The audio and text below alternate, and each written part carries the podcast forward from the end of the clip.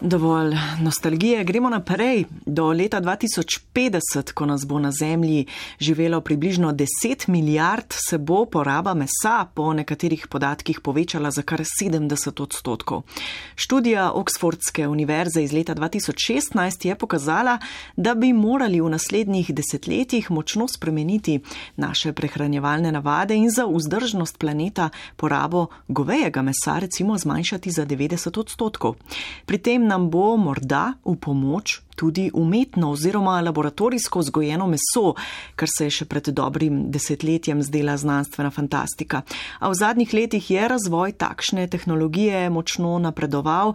Na nizozemskem so leta 2013 že iz mišičnih celic goveda vzgojili prvo meso za hamburger. Podrobneje pa v tokratni rubriki Veste, kaj jeste, Jure Čepin. Veste, kaj jeste?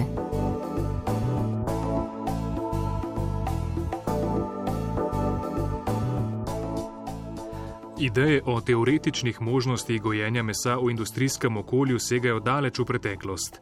Slavni britanski politik Winston Churchill je že leta 1931 napovedal, da se bomo absurdnostim, kakršna je vzreja celotnega piščanca za porabo zgolj določenega dela, v prihodnje izognili tako, da bomo enostavno vzgojili posamezen del piščanca. Večji premiki na tem področju so se zgodili na prelomu tisočletja s poskusi vzgoje ribjih, žabih in poranih celic, do revolucije pa je prišlo leta 2013, ko je nizozemski znanstvenik Mark Post z Univerze Maastricht iz mišičnih celic goveda vzgojil meso za hamburger. Postopek pridobivanja takšnega mesa opisuje profesorica dr. Metka Filipič, vodja oddelka za genetsko toksikologijo in biologijo raka na Nacionalnem inštitutu za biologijo. Tako meso se dobesedno vzgoji. Sicer tako, da se oduzame iz mišic tako zvane matične celice živali, ne, to naredijo s tako majhno biopsijo, žival je pod anestezijo, potem pa te celice dajo v, v gojišča, to se pravi, kjer so soli, hranila, rasni faktori pod posebnimi pogoji, zato da potem se te celice diferencirajo v mišična vlakna uh, in da se razmnožujejo. Ne? Uh, to je princip. In v laboratorijskih pogojih to zelo dobro gre in so razvili že iz različnih živali, ne samo govedina, tudi piščanci, tudi uh, morske organizme, pa tako naprej. Gre za meso, obliko mesa, kjer ni posegel v živali, razen odzem teh somatičnih celic potem jih je bilo treba pa gojiti v govejem serumu, ne? ampak zdaj so tudi to že uspeli nadomestiti z serumom. Govej serum se pa dobi, pridobiva iz krvi živali, so ga uspeli nadomestiti z sintetično sestavljenimi sestavinami, ki enako dobro delujejo. Kako pa je s ceno? Leta 2013 je cena omenjenega vzgojenega govejega mesa za hamburger znašala četrt milijona evrov, po zdajšnjih napovedih pa bi lahko cena za podobno količino mesa v prihodnjih nekaj letih padla na okrog 10 evrov. Glavna težava torej tiči drugje: kako proizvodnjo gojenega mesa spraviti na industrijsko raven in kako v nakup prepričati potrošnike. Na predstavitvi prvega hamburgerja iz umetno pridobljenega mesa je Mark Post zatrdil, da so se vsi, ki so meso poskusili, strinjali, da je po okusu identično pravemu mesu, a profesorica dr. Metka Filipič ima glede tega pomislek. Če gledamo eh, sestavo, beljakovinsko, hranil in tako naprej, je lahko teoretično tudi identično. Ampak sem pa prepričana, da okus pa bo nikdar identičen. Ne? Ker tudi so razlike med kaj se mesom živali, ki so bile gojene v naravi ali pa v farmah, recimo piščanci in tako naprej. Tako da po okusu mislim, da ne bo se dal primerjati. Druga stvar je tudi potrošnika bo treba nekako vzgojiti in navaditi, eh, da bo to sprejel. To je pa druga stvar, če bo to enkrat. Eh, res prišlo na uh, tržišče v večji meri. Ne.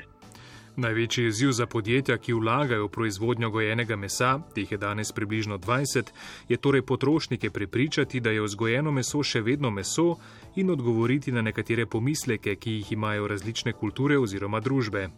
Drugo vprašanje pa je, ali bi množična proizvodnja takšnega mesa dejansko lahko pripomogla k zmanjšanju porabe klasičnega mesa. Stanko Valpatič, kmetovalec, proizvajalec ekološko-veganske hrane in tudi predsednik Društva za osvoboditev živali, meni, da ne, saj da je pretirana poraba mesa stvar zadnjih nekaj desetletij. Predtem je prehrana pretežno temeljila na rastlinskih živilih in zato danes potrebe po dodatni obliki mesa sploh ne bi smelo biti. Če pa gremo, da vseeno človeštvo ne bo upoštevalo niti okoljskega vidika, kateri nam grozi tudi predvsem zaradi množične živinoreje in uporabe kemije, katero rabimo in eh, antibiotikov in vse, kar rabimo okrog živinoreje, pa je vseeno Eh, so te nekšne alternative bolj spremljive, kajti trpljenje živali je res strašansko. Proizvodni proces in vse, kar se zraven dodaja, je tudi eno vprašanje. Glede, jaz kot proizvajalec hrane moram dati deklaracijo in tudi v procentih dati glavno sestavino, vse do zadnje začimbe, vse mora biti navedeno na deklaraciji. Vprašanje je, ali bo res to vse, tudi proizvodni proces moram dati naprej ekološki eh, kontroli. In eh, je vprašanje, ali bomo potrošniki res vedeli, kaj vse in na kakšen način je to eh, novo umetno meso iz živalskih celic eh, zgojeno, kaj je še tu morda zraven. Po njegovem prepričanju so veliko boljša alternativa jedi in pripravki iz rastlin, zelenjave in začimb, ki se po okusu lahko zelo približajo mesu a klasično meso iz prehrane verjetno ne bo nikoli posem izginilo, dodaja profesorica dr. Metka Filipič, ki pa optimistično napoveduje, da bi se pretirana proizvodnja mesa, ki ima za posledico tudi nehumano gojenje živali za prehrano in pa ogromno okoljsko porabo, postopoma lahko zmanjšala, kar bi bil velik uspeh. Jaz recimo sem še iz tistega obdobja, ko sem študirala, ker sem živilski tehnolog po izobrazbi, ko so govorili naši profesori, da bomo delali umetno meso na osnovi nafte. No, lejte, to se ni nikoli zgodilo. To je čisti absurd. Ampak takrat se je o tem resno razmišljali.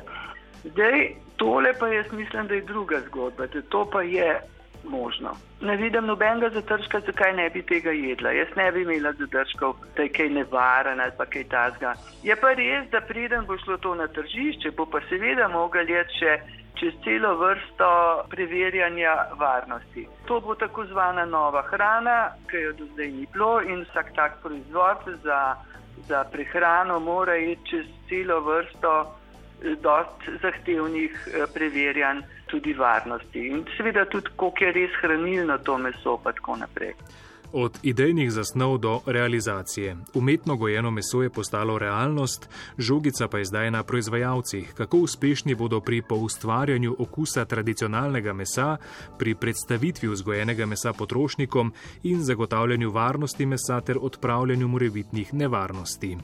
Najnovejša študija Univerze Maastricht je pokazala, da so nizozemski potrošniki za vzgojeno meso pripravljeni odšteti slabih 40 odstotkov več denarja kot za običajno meso, kar je vsekakor dodatna spodbuda za podjetja, da skušajo laboratorijsko meso približati kar največjemu številu ljudi.